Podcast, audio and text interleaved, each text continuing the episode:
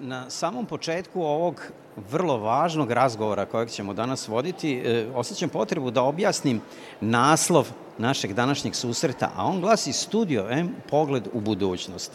E, mnogi su bili skloni da veruju da ta naziv pogled u budućnost više predstavlja ovako jednu efektnu dosetku i kao neki što... Da, marketinški potez. Marketinški potez, a zapravo ja sam siguran da on otkriva suštinu onoga što Studio M jeste, odnosno onoga što je Studio M bio.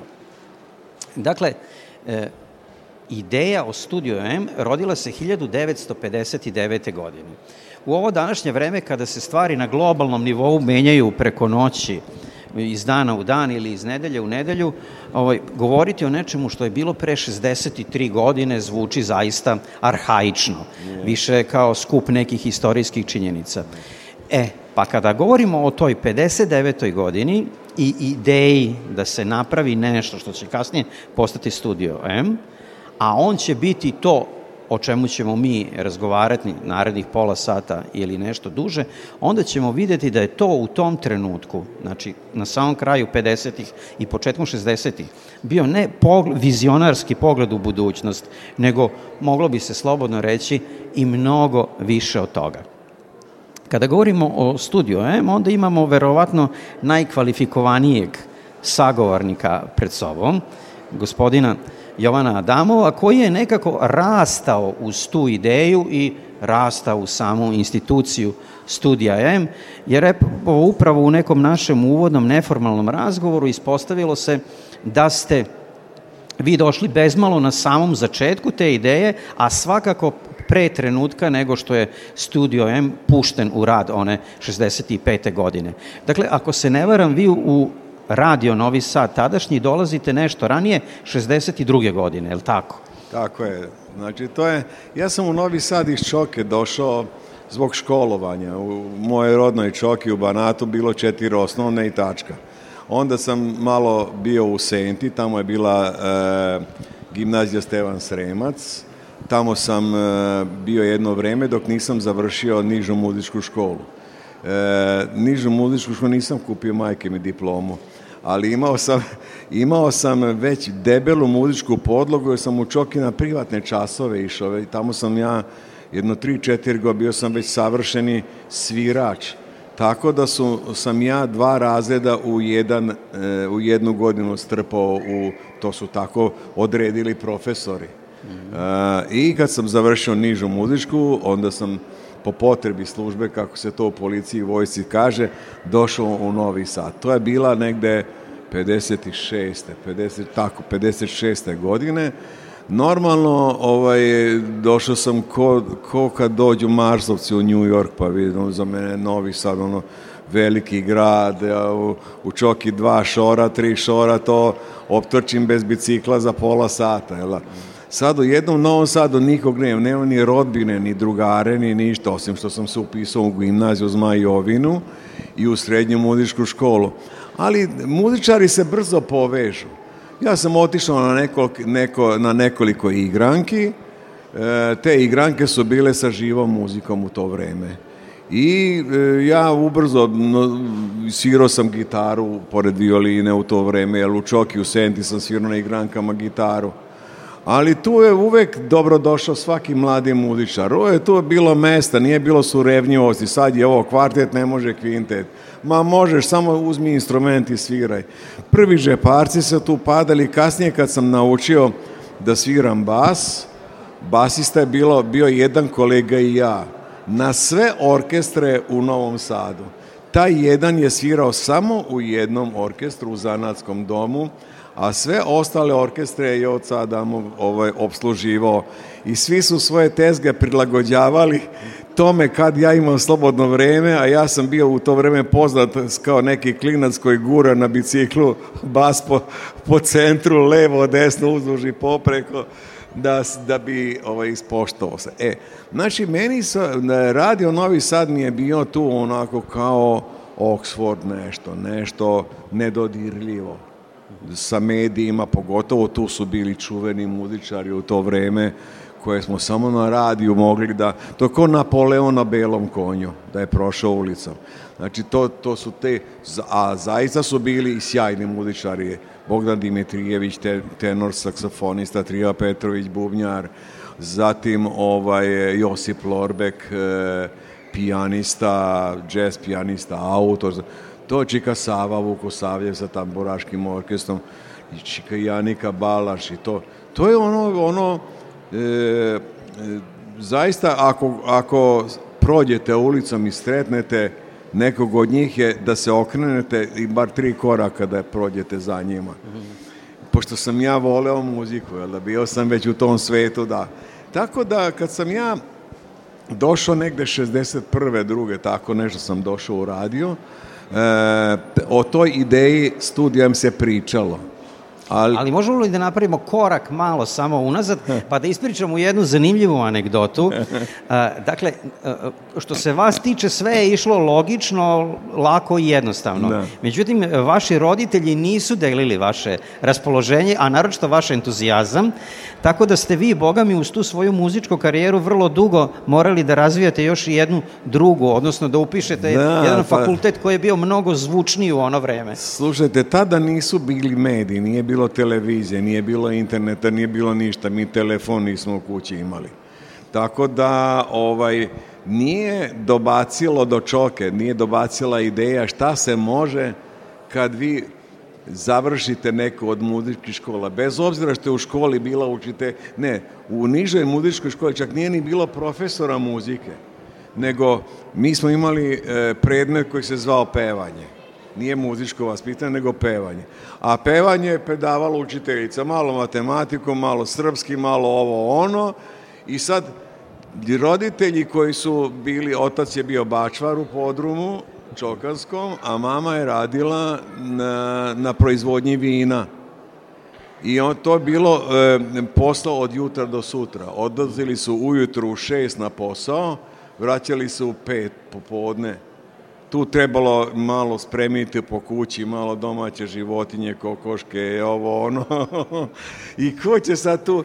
I sad, e, oni su mene, mene dali da idem na privatne časove, ne zato, otac je bio sjajan amater muzičaru, bio je amater glumac, bio je aktivan u kulturno posjetnom društvu Proleter, kako se to u i nekada zvalo, ali nisu oni imali viziju da će mene nešto muzika, ali je vrlo bitno bilo da moje slobodno vrijeme nečim popune, da ne bi ulica popunila.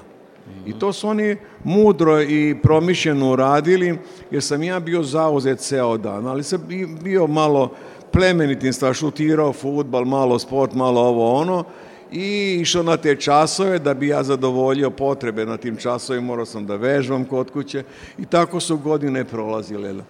I onda ovaj, kad sam završio srednju školu, onda je bilo šta sad dalje.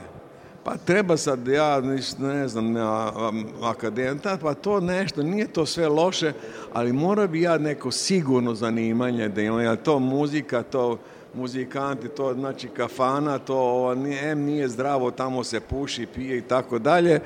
I sad šta sad ja, ovaj, E, doktor... Pa za doktorsko nešto ja nisam bio, ja se onesvestim kad uđem u, ovaj, u, bolnicu, onaj miris kad osetim. I ispalo je da li građevina, da li mašinstvo i nekako se is, iskristalisa. Imao sam jedno društvo u Novom Sadu gimnaziji. Nas četvorica, trojica smo bili nerazdvojni. I tamo gde većina kaže, tu, tu i ja I većina odlučila, idemo sad ovaj, na građevinski fakult. Pa nije to meni strašno, strano idemo. I odemo mi u Beograd, položimo prijemni ispit na građevinski. Prijemni je bio formalan zato što svi koji su imali odlične ocene iz tih eh, matematika, fizika, hemija, ja, meni to bilo lako upisali nas na građevinski. Onda se jedan novosadjanin predomislio, a što bi ja išao sad u Beograd kad je, da plaćam stan kad moj sviru imam u Novom Sadu? A tu je već drugu godinu radio mašinski fakultet. Ajdemo mi na mašinski, ajmo mi na mašinski, pa nas prime i ovde i mi odlučimo. Tako sam ja krenuo ovaj, na mašinski fakultet i već dogurao do kraja, pred kraj su me vrbovali da ostanem kao profesor Umjesto toga ja se zaposlim u Radio Novom Sadu Big Bandu kao basista. I to su moji počeci, prvi počeci profesionalnog bavljenja muzikom.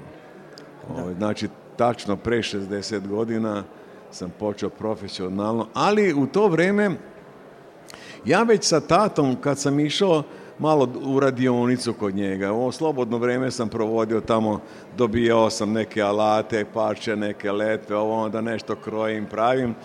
I, I mi smo već počeli da razmišljamo kako bi mogli da unaprijedimo ovo oranje, tu, to, ne znam, obrada vinograda, neki patent. Između ostalog, moj tata Bačvar je smislio zatvarač za šampanjac koji je koji je ovaj, u Čoki prvi put u ona stara mhm. vremena 50-ih prvi put napravljeno.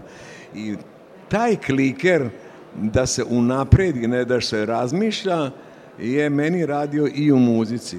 I ja još dok sam išao u nizu, nižu muzičku školu, vežbajući violinu sam u četiri zida moji su na poslu, meni misli malo odlutaju i ja počnem da siram te etide u obradi što, reći, e, što će reći neku vrstu improvizacije i neku vrstu komponovanja. Ja počinjem te svoje prve kompozicije da zapisujem na notni papir. I uz, za sreću ovaj, otac Čika Joška Kovač, otac e, Bate Kornelija Kovača je jedan od osnivača Omladinskog festivala u Subotici bio i ja počnem tamo da šaljem svoje prve kompozicije i naravno budu primljene. Na svakom festivalu sam imao po dve, tri kompozicije nešto. I to je bilo ono, do, amateri pevači pevaju, mi amateri komponujemo. On bio je veliki orkestar od, de, i profesora Subotičkih i to bio jedan veliki događaj tada i za mene i za Suboticu i za sve nas mlade koji nismo mogli da dobacimo do Opatijskog festivala i do Splitskog, do nekih koji, Beogradsko proleće koji su u to, ta, u to vreme postojale. Eto, tako, znači, ja sam već jedno oko bacio na radio, ali nisam još mogao da, da, da tu dobaci. Međutim, kad je basista otišao u vojsku, Bubnjar Triva Petrović se seti, pošto on bio pasiona, pasionirani e, E, posjetilac od amatera, svirača, gdje god ima igranka, gdje god ima žive svirke. Volio da čuje mlade muzičare. I on kaže, znam ja jednog klinca, opasan je, kaže. A i oni sednu, njih dvojica, Bogdan Dimitrijević i on dođu ovaj, u Vase Stajića na Ćošku, to je bio čuveni klub, dole se svirao džez i tako to. I ja sam svirao sa jednim ovaj, e, Dixieland bandom tada. Ali smo, to, na igrankama se ono vrijeme nisu svirali pretežno šlageri, nego komercijalni jazz, mm. jazz standardi, swing, e, onda ta Dixieland muzika je bila popularna i oni mene pitaju da bi ja bio za Meni počele ovaj, počela kolena da klecaju, da dođem u big band, ni manje ni više, jel da? I ja nešto kažem, pa šta, ja ne znam, imam u ponedjeljak imam predavanje na fakultetu, ja ne smijem da izostavim, da izostanem, ne znam šta će mi roditelji reći ako dobijem tamo neopravdano i tako to, počnem da, da muljam. A ono, ništa, ne dođi ti sam, napisat ću mi tebi opravdanje, ništa ti ne brine ovo. Sam. I ja došao, naravno stave note ispred mene kao audicija, oni nemaju basista, sve se skupio bez kontrabasa. I oni stave note jedne, ja bum bum bum bum osviram, stave druge, ajde malo teže, jedan do, slista, kako šta stave, ja slistoke. I a, u međuvremenu su oni postavili neke mikrofone i tako da idemo u snimanje. Mm. kako snimanje, ništa, ja Ništa, ja uvuko rogove i čekam i to. Prvi radni dan je bilo i prvo snimanje u životu u Radio Novom Sadu i tako je krenulo zaista moje profesionalno bavljenje muzikom. Što se tiče E, e, radio Novog Sada tada, bila je sada se to zove Studio 3 i taj jedan studio je bio na tri velika orkestra. Bio je veliki narodni orkestar, bio je e, tamburaški i taj big band koji se zvao plesni orkestar. Sve to u tom jednom studiju i probaju i snimanju. Znači, o nekoj velikoj produkciji, o rokerima koji su počeli da se javljaju ni slova, zato što on nema prostora. I imali smo vizionara jednoga načelnik e, muzičkog odelenja, to moje zvanje je bilo profesor Anton Eberst, on je veliki pregalac bio u Mudičkom. Zahvaljujući njemu je, je on je smisio Nomus, on je smisio dane džeza ili kako se jedno vrijeme pa je to zamrlo, onda Mudička omladine, ne, kulturni centar Novog Sada je oživao ponovo, ali sve to za vrijeme Antona Ebersta. Dalje, Imali smo tu sreću što Novi Sad, radio Novi Sad nije e, osnovan zato da bi bila još jedna radio stanica više. Nego je bilo, bila velika teritorija više nacionalne Vojvodine koji nisu imali gdje svoju kulturu da iskažu. I onda, ovaj, tada nije, u Subotici je bilo u Narodno pozorište, tu su i na Mađarskom, nigde drugde nije bilo nego Radio Novi Sad je imao i dramski studio, znači na mađarskom jeziku glumce, sjajne glumce su, e, smo imali i imali smo te muzičare, orkestre.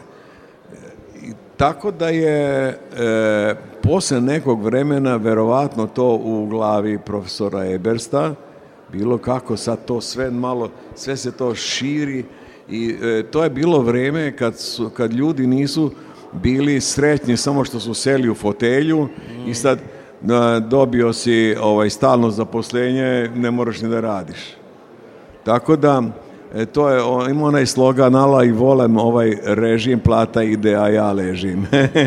ne, nije to to vrijeme. To je bilo vrijeme velikog entuzijazma.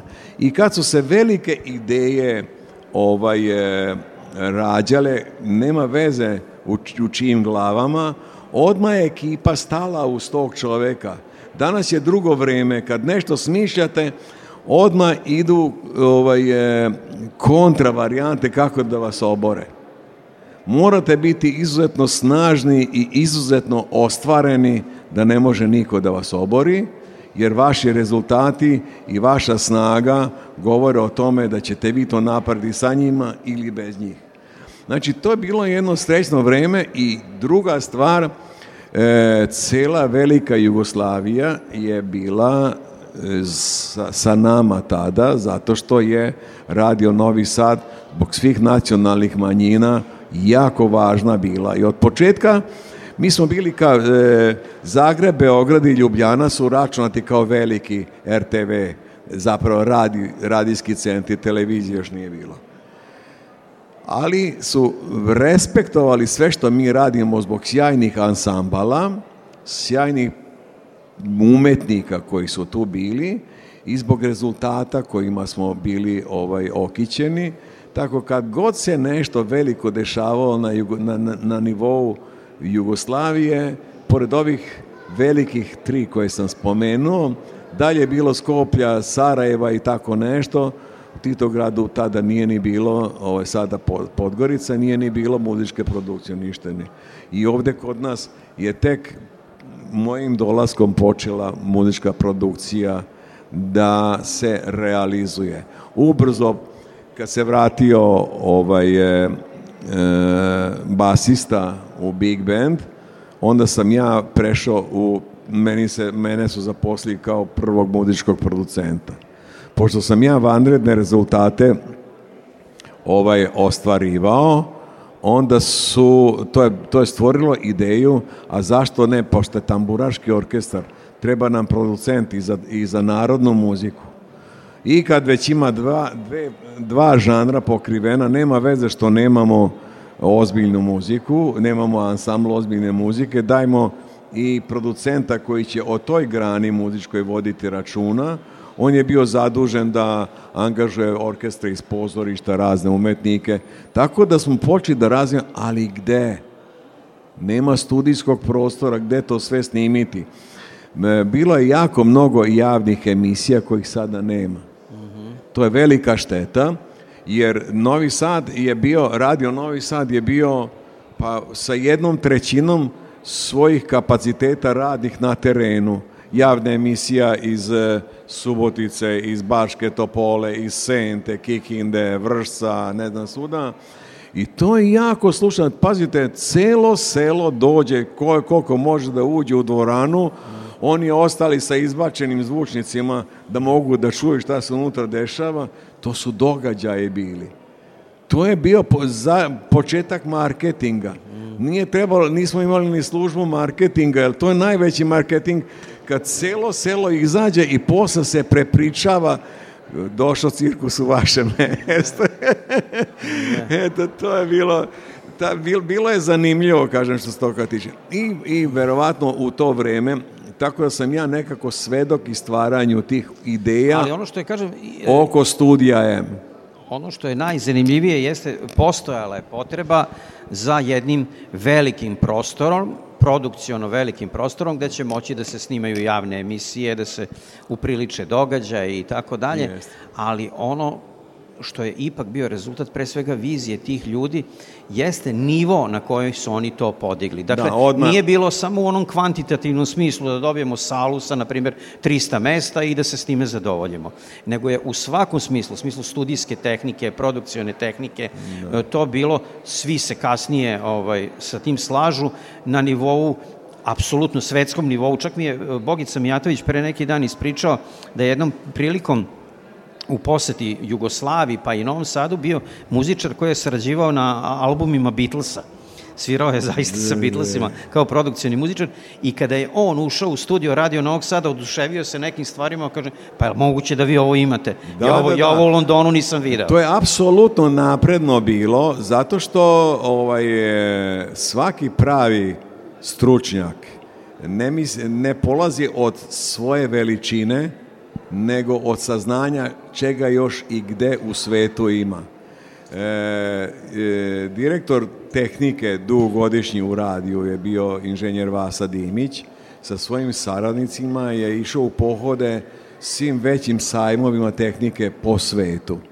I onda su oni vidjeli gde šta ima, tako da je Studio M e, iznutra akustički obrađen po ugledu na berlinski studio koje u to vrijeme, znači zašto da kopiram, ne znam ja, bilo koji, ne znam, u Budimpešti nije toga bilo i negdje, nego otišli su odmah u najstudiju u Europi i kako je tamo, dobili su odmah i te skice i sve šta je, materijali, način obrade zidova, to tu akustička obrada, sve je po uzoru na Berlin.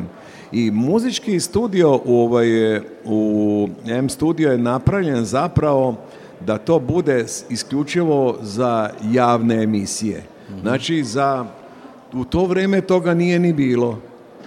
Da se odvija program neki na bini pred publikom. Toga je u Europi bilo koliko god hoćeš. Ali kod nas uglavnom je to bilo iz, e, prenos iz nekih dvorana. Mhm. Ovdje je napravljeno jer nije ni Beograd, ni Zagreb, ni Ljubljana nisu u okviru svojih e, medijskih kuća imali koncertni studio. Tako da je ovdje bilo, ovdje se snimalo, snimao program Vesele večeri, na primjer, na mađarskom jeziku sa našim glumcima.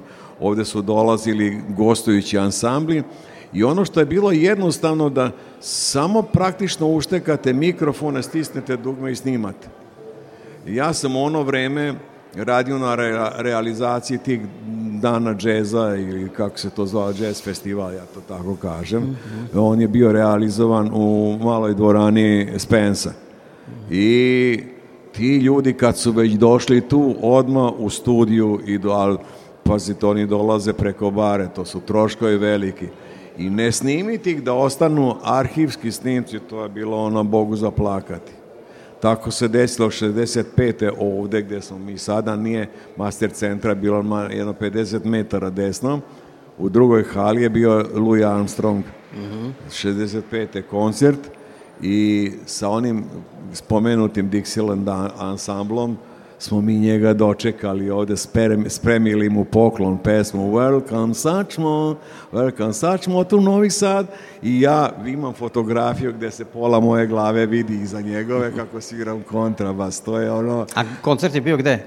Ovdje u, ovaj, u, starom delu, mislim da je Hala 1, mm mhm. to, to, to je i Doom festival nekada tu bio da, ovaj, organizovan.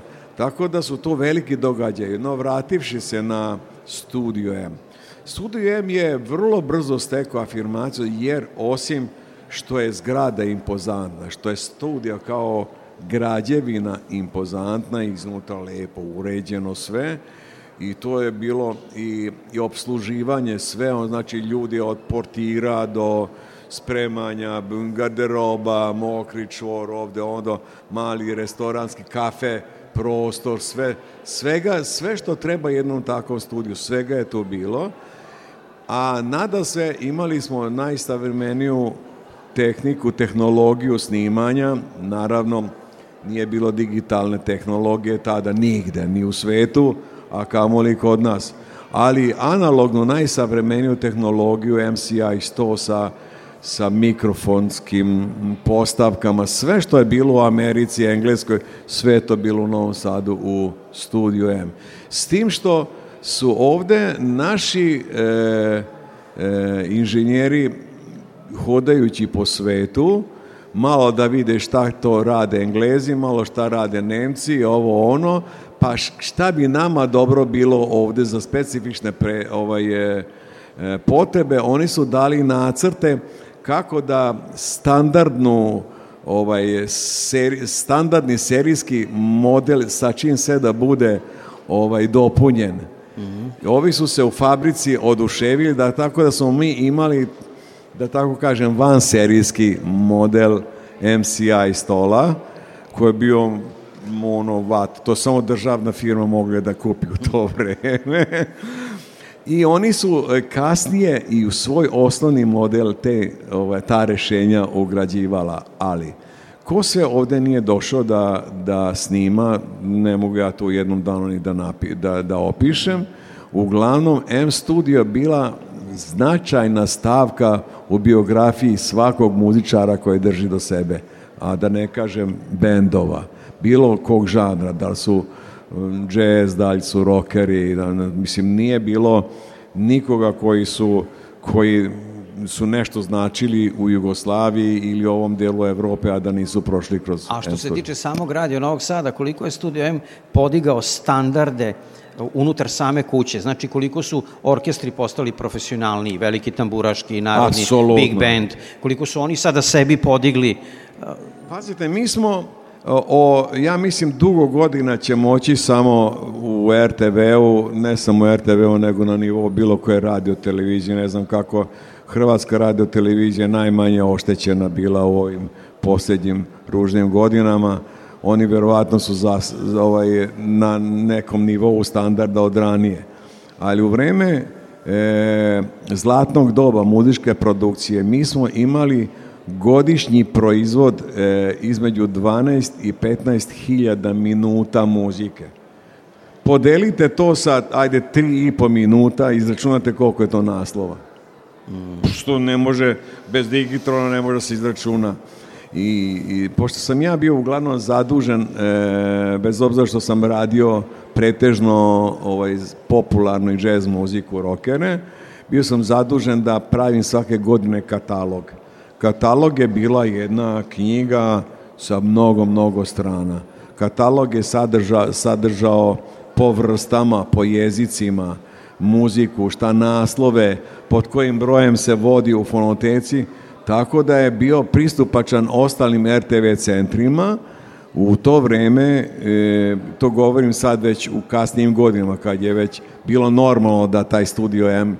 postoji jel i, da, i da pravi veliku produkciju on je, e, bila, bila je obaveza ovaj, svih radio televizija da emituju svakoga. Mhm. Nije moglo da bude da Slovenci i Hrvati nemaju neke snimke na rumunskom, e, odavde od nas, rusinskom, mađarskom, pa sad emitovat će koliko će emitovati. Također nije bilo moguće da mi odavde, ovdje u Novom Sadu nemamo nešto od njihovih. To šarenilo je bilo meni lepo. I to nije bilo samo kruženje snimaka, nego su muzičari, Zagrebački Big Band je bio ovdje kod Ljubljanski Big Band. Mi smo pravili e, dve IBU e, suseta je bila tu, bila ozbiljna, mu, tri. Ozbiljna muzika, bila je etno muzika i bili su rockeri. Znači, Evropska radijska unija ovdje u Novom Sadu, direktan prenos evropskih radio stanica uključena, sve zahvaljujući tom iskustvu kome je pomogao rad u studiju. Zato što e, smo mi paralelno sa razvijanjem tehnologije razvijali i, i ljudske resurse. Tako ljudi kad su seli za sto, oni su već u startu znali šta treba da stisnu, šta koji regler, čemu služi. Mi smo imali pa tih 80. Ovaj, godina smo imali e, automatiku na ovaj na, na ovom e, e, na mix pultu. Znači danas završavamo snimanje, stisneš dugme, memorija zapamti stanje kako su koji mikrofoni sa visokim, dubokim, sa ekvilajzerima, sve šta je rađeno. Sutra u 9 sati dođemo na snimanje, uključimo, stigne, stisnemo dugme, svi regleri skoče na, i nastavljamo kod da nismo prekidali. Toga nije bilo nigde. Znači kad jednom isključite sprave, sutra ponovo iz tonska proba, pa daj bubnjeve, pa daj bas, pa daj trube, violine, ovo, ne. Ovo je već bilo veliko unapređenje, to je bio i, i razlog što smo mi mogli da tu ogromnu minutažu ovaj ostvari. I svega toga rađali su se i festivali koji su se okvir, odvijeli u okviru studija. Da, pored, pored ovaj, e, e, festivala nacionalnih manjina, e, Rumuna, Rusina, Mađara, radili smo i ovom Nomus muzi, ovaj, jazz festival, taj, te dve aktivnosti, vrlo bogatu koncertnu aktivnost smo imali, a radili smo u Novom Sadu dva puta izbor za pesmu Eurovizije. Od toga jedan, jedan je prvo je rađen u studiju Tu je onda Daniel Popović sa Đuli otišao na Euroviziju i veliki uspjeh je postigao. Baš sam ga neko večer gledao ovaj, u subotu u Beogradu na Beoviziji je nastupio malo promenjen puno godina je prošlo, jel da? Ali to su, bili, to su bile godine izazova, e, mm, to je okruženje, znači vi jedva če legnete uveče da spavate, jedva čekate da svane, da odete na posao. Gde to ima danas? Samo tamo gde milioni padaju, dok oni dok, dok ne naviknu na milione, onda više ni to nije dovoljno. Znači, izazovi, poslovni izazovi, zato što sutra dolaze neki velikani, preksuta još neki treći, treći dan idemo negdje gdje pravimo veliko feštu, sijan sam, znači ogroman posao i onda e, stručni saradnici od kojih možete da naučite nešto. Nije bilo literature koliko god hoćete. Ja sticajem okolnosti, pošto sam znao nemački da govorim, mati mađarica, mađarski govorim koji srpski jezik, onda sam se služio nemačkom i mađarskom literaturom gde to je bilo nije. Niste mogli nigde da učite nešto o produkciji. Teorijsko znanje. Imao sam sreće kao mašinac da sam imao jednu, jednu ozbiljnu tehničku kulturu jer sam tu imao i elektrotehniku, svašta sam nešto imao tih predmeta, ali baš producentski posao, to je tonska režija, sad to ima na akademiji se prola, ove ovaj, predaje. Tako da smo mi to sve znanje sticali slušajući ploče, strane ploče i onda eksperimentišući u studiju, e, a kako sam ja e, eksperimentisao, pošto sam voleo, ja sam počeo da pišem aranžmane, zahvaljujući tome što smo imali veliki bend i bila bi glupost da ne pišem, kad sviram u tom orkestru mogu odmah da čujem kako to zvuči što sam napisao.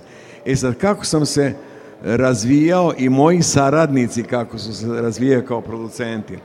Skinem neku numeru iz Big Benda sa Quincy Johnson, na primjer,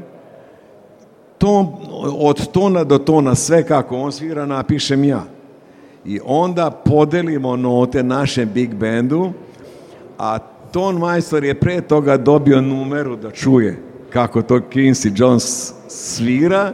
Zadatak mu je da napravi identičan sound kako je tamo, pošto mi imamo sve te mikrofone, imamo savršenu studijsku opremu, nema to znači samo ljudski resurs mora da, da pronađe šta i kako da radi i tako smo mi usavršili naše snimanje da da bi ovaj, vremenom ovdje svi neki koji su bilo šta značili na, na, muzičkom, na muzičkoj sceni Jugoslavije bili su kao studijem je bio upisan kao važna tačka. E, sad ono što svakako moramo u ovom kontekstu pomenuti, to je ta već gotovo urbana legenda o tome da je E, jugoslovenska rock muzika praktično nastala iz studija M, ne samo zato što je tu e, između ostalog rođena korni grupa, nego postoje neki neverovatni podaci. Recimo, grupa Bijelo dugme prvi put izvan Sarajeva svirala je u Studio M. Grupa Azra sa kultnim Johnijem Štulićem svirala je u Novom Sadu i u Studio M pre nego u Zagrebu. Znači, prvo su e, ih poznavali novozađeni, pa onda Zagreb. Grupa Lebi Sol prvi evo, njihov koncert posle Skoplja bio je u studiju M. Eto sad, I, u vezi sa tim. Tu urbanu legendu e, nekako treba objasniti. To je relativno brzo, ni deset godina nije prošlo do otvaranja. 74. kad je Vojvodina dobila veliku autonomiju, svi događaji koji se dešavaju u Vojvodini e, su pripali nama. Znači, više nije radio Beograd, radio na realizaciju Subotičkog omladinskog festivala i drugih, nego su naši ljudi trebali. Pošto sam ja u datom trenutku bio na određenom mestu, znači kao šef muzičke produkcije Zabavnu, onda je meni pripalo da ja budem umetnički direktor tog festivala. I, i zahvaliti, u to vreme nekako su se zaposlili ovaj i Bogica Mijatović, Čupko, Anđelko Maletić, Pita Simurić i njihove kolege Pandan u Zagrebu, Sarajevu, suda. I oni su došli podozrivo gledali ovaj, šta vidiš, na šta voli, što su neki matorci, kakva je to muzika, koga ovo interesuje, jel da? A ja sam bio generacijski sličan, ali ne mogu ja da odem u tuđi grad, tuđi festival i da kažem ne, sad više neće biti ovako, nego će biti onako nego to je moralo postupno i onda sam ja postupno posle, već posle druge, treće godine bavljenje o, ovaj, možda već već u drugoj godini bavljenje omladinskim festivalom. Ubedio sam i Čika Joško i one ostaje koji su bili subotičani da mi tu scenu podelimo na dva dela. U jednom delu je revijski orkestar koji prati pevače koji nemaju svoj bend. A uvodimo novu kategoriju ovih e, rock bendova ili vokalno-instrumentalnih. Vrlo često tu čim je njih pet sviraju, onda je to rock band. Pa nije rock band. Sviraju ovaj, recimo pop arte ili ne znam koji neki bendovi. Svirali su šlageri, samo nisu svirali aranžirano s velikim orkestrom, nego pevaju i sviraju šlagere. To, to je, u Beogradu su imali pravi, e, rodila se skraćenica VIS vokalno-instrumentalni sastav i rock sastav. Znači, oni su dobili drugu polovinu bine i to sam dao ovima spomenutima, Bogici i ovaj... E, Viti Čupku. oni su to radili. Još jedan paralelni koncert slobodne forme u ponoć u pozorištu. To je bio veliki događaj. E, razvijanjem te druge scene, su se pojavili bendovi koji u matičnim gradovima nisu mogli da dođu do studija. U Zagreb, ako nisu bili učeni muzičari, malo akademija, malo ovo, nema šanse da uđe u produkciju. Ali oni su, to je veliki produkcioni centar, oni mogu da kažu, ovo lebi sol, šta mislim, on neka vežbaju tamo, jel da, doći će na red. Ne, oni su došli kod nas Lebi Sol, Eh, je došao iz, eh, Skoplja. iz, iz Koplja, a iz Zagreba parni valjak, nisu oni mogli da uđu u studiju u Zagreb. Oni su došli ovdje. E sad, pošto su oni meni bili eh, generacijski bliski, a ja sam bio onaj koji određuje ko može, ko ne može da snima u studiju Naravno da mogu. Kako mogu da sviraju na omladinskom festivalu, onda mogu da dođu i da snimaju. Oni su pretrpili podozrenje starijih kolega koji su pred u, u, penziju bili kako je, šta oni sad tu sviraju, kome, otkud, ali pošto je, ja sam iskoristio činjenicu da je omladinski festival realizovan u okviru Dana mladosti. Dan mladosti znači u okviru rođendana druga Tita čak čik pora, probaj da kažeš da ne valja to što se u čast rođendana druga mhm. Tita svira. Tako su oni došli u Novi Sad i već im je inače putni trošak bio e, preko festivala mhm. e, plaća. Samo jedna noć u, mhm. hotelu, a tada se snimalo mnogo brže. Znači u jednom danu snime 12 numera muzičkih name, e, matrica, ja njima prebacim na kasetu da kod kuće vežbaju malo te vokale i onda dođu u dogovoreno vrijeme svih 12 pesama otpevaju, miks i gotovo. Tako je Lebisol prvu ploču ovdje kod nas LP snimio, onda je ovaj parni valjak, prvu ploču, atomsko sklonište, ne znam ja ko sve ne, ne da ukraden je prve snimke tu Josipa Lisac. Svi su oni preko omladinskog festivala došli u studio M. E sad, ko hoće da prizna, Sjećam se e, tamo u loše vrijeme 90. 90. godina e, mislim da je već to bilo čak i, i, i 2000. Išao sam na Hvar da prodam ovaj vikendicu tamo. I sačekao me Dražen Vrdoljak ovaj, u Zagrebu, pošto sam ja stigao vozom ili vlakom, jel da, u neko vrijeme u Zagreb, a tek uveče kasno je bio autobus za Split. Onda me on vodao, po, posle puno godina nisam bio u Zagrebu, vodao, malo smo išli na ručkove, malo pričali i on me, on me onda ispratio dalje da, da odem i kupim na malo zagrebačku štampu da usput čitam ovaj, u autobusu. većenji list kupim e, ovaj, e, e, parni valjak je slavio neki jubil dan 20 ili 25 godina postojanja, ni jednog slova o tome da su na, u Subotici na festivalu nastupali, ali pre Subotice su bili niko, mm. pre Omladinskog festivala. Ni jedne reči o tome da su prvi LP snimili tu, nego su pričali o tome, naravno da nisu tu počeli karijeru, prve igranke su svirali negde u u Zagrebu i tako dalje. I ja to nisam ništa prigovorio, niti kasnije kad sam se sa Akimom Rahimovskim sad već ovaj pokojnim sretao, nisam im ništa prigovorio, to duh vremena. oni su to prečutali da bi kod kuće mirnije živeli.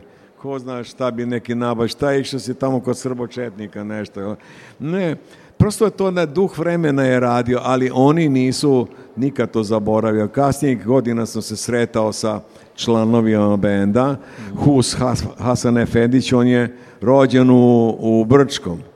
Ja to nisam znao, nego sam tamo pre 18-19 godina prvi put napravio deči festival i sad u subotu je 18. bio po redu. Oni su mi rekli ko sve nije od tih poznatih likova Poreklam iz Brčkog. Mhm. E, tu sam kad, sam se, kad smo se sretali uvek sa poštovanjem o svemu tome i, i sećanje na ona vremena, jedino što u štampi to nikada nisu objavili, ali nije ni bitno. Bitno da su oni dobri sigrači, da su dobri ljudi. E sad spominemo, evo, pred sam kraj taj neki duh vremena, koliko je duh vremena uticao na to da spadne pozlata sa studija M, kakvog smo znali 70. i 80. godina, i da on postane ono što će postati zadnjih desetak, dvadeset, pa evo do ovog momenta. kada, da vam kažem se već polako ovaj, njega opraštamo. E, ovaj, e, u, taj studio sam nije mnogo u investiciji Ja sam, ja sam ovaj, bio ne, na neki način ozloglašen u Radio Novom Sadu u to vrijeme, jer nikad nisam bio zadovoljan a nisam video, bio zadovoljan zato što sam mnogo putovao, nisam imao ni kućeta, ni mačeta, sve što sam željan da vidim, da čujem, obilazio sam koncerte po Europi, radio stanice, kolege sam stetao sve i video sam mnoge stvari koje mogu kod nas da se primene, a zašto ne bi? I onda tu je bilo to kol, komplikovano odlučivanje, radnički savjet je morao. U radničkom savjetu je bilo od direktora do spremačice. Pa ne treba dve trećine od njih, ne treba ni da znaju ništa o tom. To se radi o stručnim poslom. Zašto bi neko odlučivao kakav ćemo mikrofon da kupimo, kakvu ćemo tehnologiju da primenemo i tako dalje. I to e, jako je usporilo. Znači, kako je brzo relativno došlo od ideje do izgradnje studija M, tako je sporo išla svaka inovacija. I ta sedišta unutra i sve to, te kad se već toliko fucalo da je bilo neprijatno, e, onda je počelo.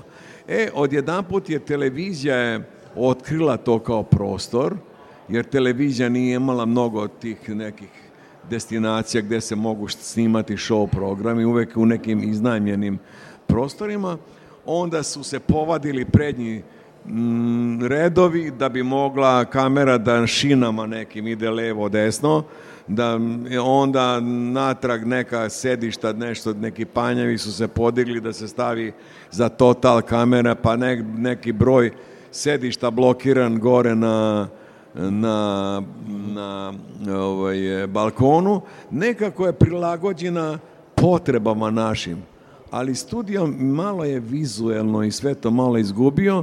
Ono što nije rađeno, duh vremena, e, ja sam predlagao ovaj, da se e, jer još kad se gradio studijem, kad su dolazili iz Engleske da, da montiraju sve te, svu tu opremu, oni gledaju ono ogroman hol. Pa ko je to rekao da tako treba da... Pa ste vi svesni koliko je to izgubljenog prostora, šta je tu sve moglo da se napravi, ne znam šta sve, jel mogao je veći studio ako ništa drugo, da više sedišta, pa onda gore još jedan veliki mm. hol. I mene onda ono, pošto sam se družio i sa književnicima, slikarima, vajarima, zašto se tu ne bi mogla napraviti postavka likovna, vajari da svoj rad, to je prolaz Dunavski park, prolaz Futoška, odnosno Riblja pijaca centar. Tu cirkulišu ljudi, svratili bi da da vide, da se napravi prodajna izložba. Mogla bi radio televizija da zaradi. Zašto ne? Onda sam ja uveo vikend produkciju. Zamislite u petak u dva sata ključ u bravu i u ponedjeljak do devet sati nula. Takav studio i na, na, na jedite način su prihvatili da, ali onda e, taj koji snima, on mora da plati prekovremeni rad ton majstorima i ne, pa platit će sve što god treba, ali e, onda je rok produkcija procetala. Jer rokeri sporije rade. Kad vi stavite ove profesionalce, podeliš mu note, tri, četiri, kreni, gotovo, posle tri hm. minuta snimljena numera. Oni istražuju dok svira, imaju neku osnovnu ideju, ali motiviše ih sam ambijent, zajednička svirka, drugačije čuju sebe svuda i onda oni kad su se namontirali ovaj je petkom popodne skoro da su tu ispavali. Znači do kasno u noć, do posle pola noći sviraju, par sati odspavaju i dolaze od jutra do sutra i, i u subotu, u nedelju od jutra, i tek u, u, ponedjeljak ujutro odlaze. Tako da se tu jedna kvalitetna rok produkcije, i stvorili su se kvalitetni e, producenti. Novi ljudi, ne, nova generacija svega se tu u studiju M i meni je žao da to sad, evo, grad je napravio na veliku velika ona konačno Novi Sad ima koncert u dvoranu. Kome oni pričaju? To mogu političari, oni ne idu ni na koncerte. O, otkud on zna kakva je to koncertna dvorana? To je koncertna dvorana muzičke škole. Nešto malo više sedišta u M studiju ima. Ako je bio neko u M studiju, ovi koji fal, a nisu bili na koncertu u studiju M, mogli bi da vide da a zašto nije koncertna dvorana M studio? A ne on, Ona je sjajna koncertna dvorana za baletsku i muzičku školu. Svaka baletska i muzička škola ima svoju koncertnu dvoranu gdje svoji učenici imaju kome da sviraju. E sad, ako je kapacitet zadovoljavajući, onda mogu da sviraju neki drugi. Ali to nije koncertna dvorana za Novi Sad. Koncertna dvorana treba da ima e, Novosadska do 3000 mesta, ja mislim jer, e, SNP ima 935 mesta, znači za nešto manje imamo, onda tih sa par stotina ima nekoliko, ali jedan ekskluzivni prostor jeste, to treba malo bolje ušminkati i to može da se da se uče. Mislim da je 465 mesta bilo ovaj sa balkonom zajedno u studiju s tim da može se na karika do 500 ako se stavi red s leve i sa desne strane. Takav to neće biti nikada ovaj takozvani novostavski koncertni studij. E, žao mi je i mislim da je, da je ovaj e, studio M malo više od muzičkog studija. On je deo istorije, muzičke kulturne istorije Novog Sada i dugo godina i bivše Jugoslavije. I njega tako treba shvatiti i dok god ima interesa da se tu bilo šta radi, on treba, pasite, napravljena zgrada koja nije u raspadaju. Nju treba samo ošminkati, ima malo razbijenih prozora, tako nešto malo prekrečiti, to je sve nula. To svaki bumbar koji ima malo bogatiji devizni račun može da isfinansira. Ja sam šta više predlagao jedne godine, još uvijek mislim da je to možda bude aktuelno, ravni krovovi e, gdje god se grade na svetu su problematični. Pre ili kasnije će ta izolacija da, popusti. da popusti i propuštat će. Ja sam predlagao da se tu napravi atriumskog tipa restoran za klijentelu koja će imati ne znam, 100 evra članarinu mjesečnu ili šta, i sa jednim, sa polja providni lift jedan ide do gore, panorama Novog Sada se vidi. Pa znači, to vam je, može sve ovo, to je nekad, ovaj, radio Novi Sad, kažu nekad bio javna kuća, tako je to počelo valjda, pa je posle bio i hotel, pa onda javno preduzeće, radio, televizija i tako to. Znači to može to da se napravi, ima prostora da sve i svašta, a M studio treba da ostaje koncertni studio. Mhm. Sa tim sadržajima u holovima da budu razne izložbe, promocije, šta god mogu, kongresi da se održavaju, pa tu da se promovišu oni koji organizuju ko. Znači, ako ima ideje, možda bi to trebao neko da kupi pod obavezom da ne sme da mrne ni jednu ciglu. Samo da unapredi, znači, ako, jer to čovjek koji uloži sebe i svoju porodicu i svoju imovinu, on će znati šta treba da uradi ali mislim da smo u najmanju ruku objasnili odakle je naslov studija M pogled u budućnost. Je, Zaista je i onda pa... O, eto, od studija M je krenula budućnost, budu, prava budućnost radio Novog Sada, kasnije radio televizije Novi Sad. To je prava istina. To je... I još, kažem, dan danas on nije ruiniran. On je sad malo i tehnički unapređen. Mislim da je se prešlo na digitalnu tehnologiju, ali to, to sve e, i ta digitalna tehnologija drži koju godinu. Mm. jednocifreni broj godina. Da, da. I morate da inovirate zato što neverovatnom brzinom ta kompjuterizowana tehnologija napreduje, ali zato ona mora da bude u pogonu, ne može, ala je volim, ovaj režim plate i da ja ležim.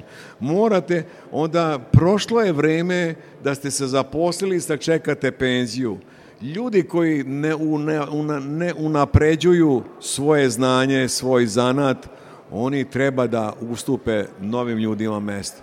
Bez ljutnje. Skloni se, nemoj da smetaš. I to, to, je, to sam ja u socijalizmu razvio taj. Ja sam izvadio basistu iz big benda, kasnije kad sam ja već posao baba ovdje, ovaj. izvadio sam i stavio, pošto je jako dobar muzičar bio, E, dobro je dobar sluh imao, imao je tehničku kulturu dobru, radio je povremeno produkciju sa malim sastavima, odličan aranžer. Ja sam ga prebacio produkciju. Zašto? Kao basista on tu sedi i do penzije će biti basista.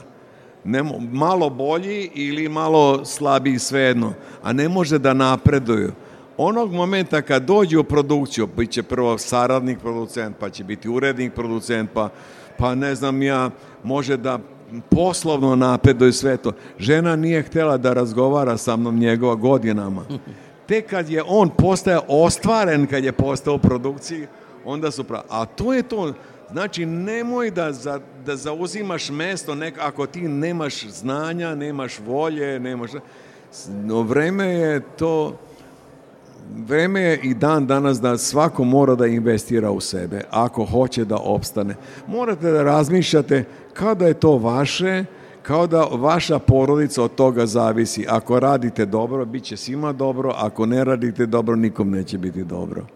Eto, to je neka deviza koja je nas vodila, taj entuzijazam govorio tamburaši su dolazili u tamnim odelima, bela košulja i crna kravata na posao. To je bila stvar, pre, ide u radio Novi Sad, ide u veliki tamburaški orkestar, ide na snimanje. Gde ideš? Idem u radio. Odmah ga gledaju kod akademik. To je, to je, to je, to je, to je bila, bila statusna stvar, biti biti član ansambla radio tele. U Novom Sadu, u Vojvodini nije bilo nikada e, estrade. Znači, naša produkcija radio Novog Sada, zatim radio televizija, je obsluživala i te estradne potrebe. U to vrijeme su bili radio pevači. Nije bio City Records, pa Jugoton, pa... Bilo je tih, ali oni su pre svega bili radio pevači. Pevač radio Beograda pevač radio Novog Sada. To je bio status. Znači, ako si tu prošao, to kod da si na akademiji prošao, ovaj, e, nije mogao kogod da peva. Bila je komisija koja procenjivala stepen spremnosti, talenta, sve to, i ko je bio radio pevač, taj je bio pevač. I onda, kažem, mi smo imali još i tu misiju estrade na području Vojvodine, i mi smo tu estradu na pet jezika razvijali. To nije bilo u Jugoslaviji nigdje. Imali smo tu manjkavost što je ipak dan od 24 sata ne može više nego što može. Ali u Sarajevo su, na primjer, tako stasali mnogi izvođači zato što su oni samo svoje snimali. Kod nas kad neko snimi na mađarskom šlager, on će morati još tri mjeseca da čeka da snimi još jedan. Zato što u međuvremenu imamo rock sastave, imamo popularnu muziku na srpskom, na slovačkom, na, na, na pa jazz, pa ovo, pa ono, pa dok ponovo dođe na, na, na red, tako da mi nismo imali prilike tako da izlansiramo ovaj, e, samo ako se nije napravio bo, bum poput e, Balaševića, na primjer sa grupom Žeto u, raz, u razdeljak te ljubim. To su ovaj, cijele Jugoslavije, ono, haos. Ništa, ja mislim da posle ovih sat vremena imamo obavezu da stavimo tačku i zarez na ovaj naš razgovor, ali u svakom slučaju i obavezu da ga nastavimo, što ćemo prvom prilikom i učiniti. Gospodine Adamov, hvala vam na ovom razgovoru i do prve prilike u pa još samo da, zaključimo da našu zajedničku želju pet pretpostavljam da taj studio M ostaje i dalje studija kao robna marka jer ona je samu sebe sa svojim ljudima koji su ovaj, E, radili tu, izgradila robnu marku i šta god da se tu desi, moja je želja da, eto, da ja ne vidim za, za života da je to neku propastio. Pridružujemo se vašim željama. Hvala vam više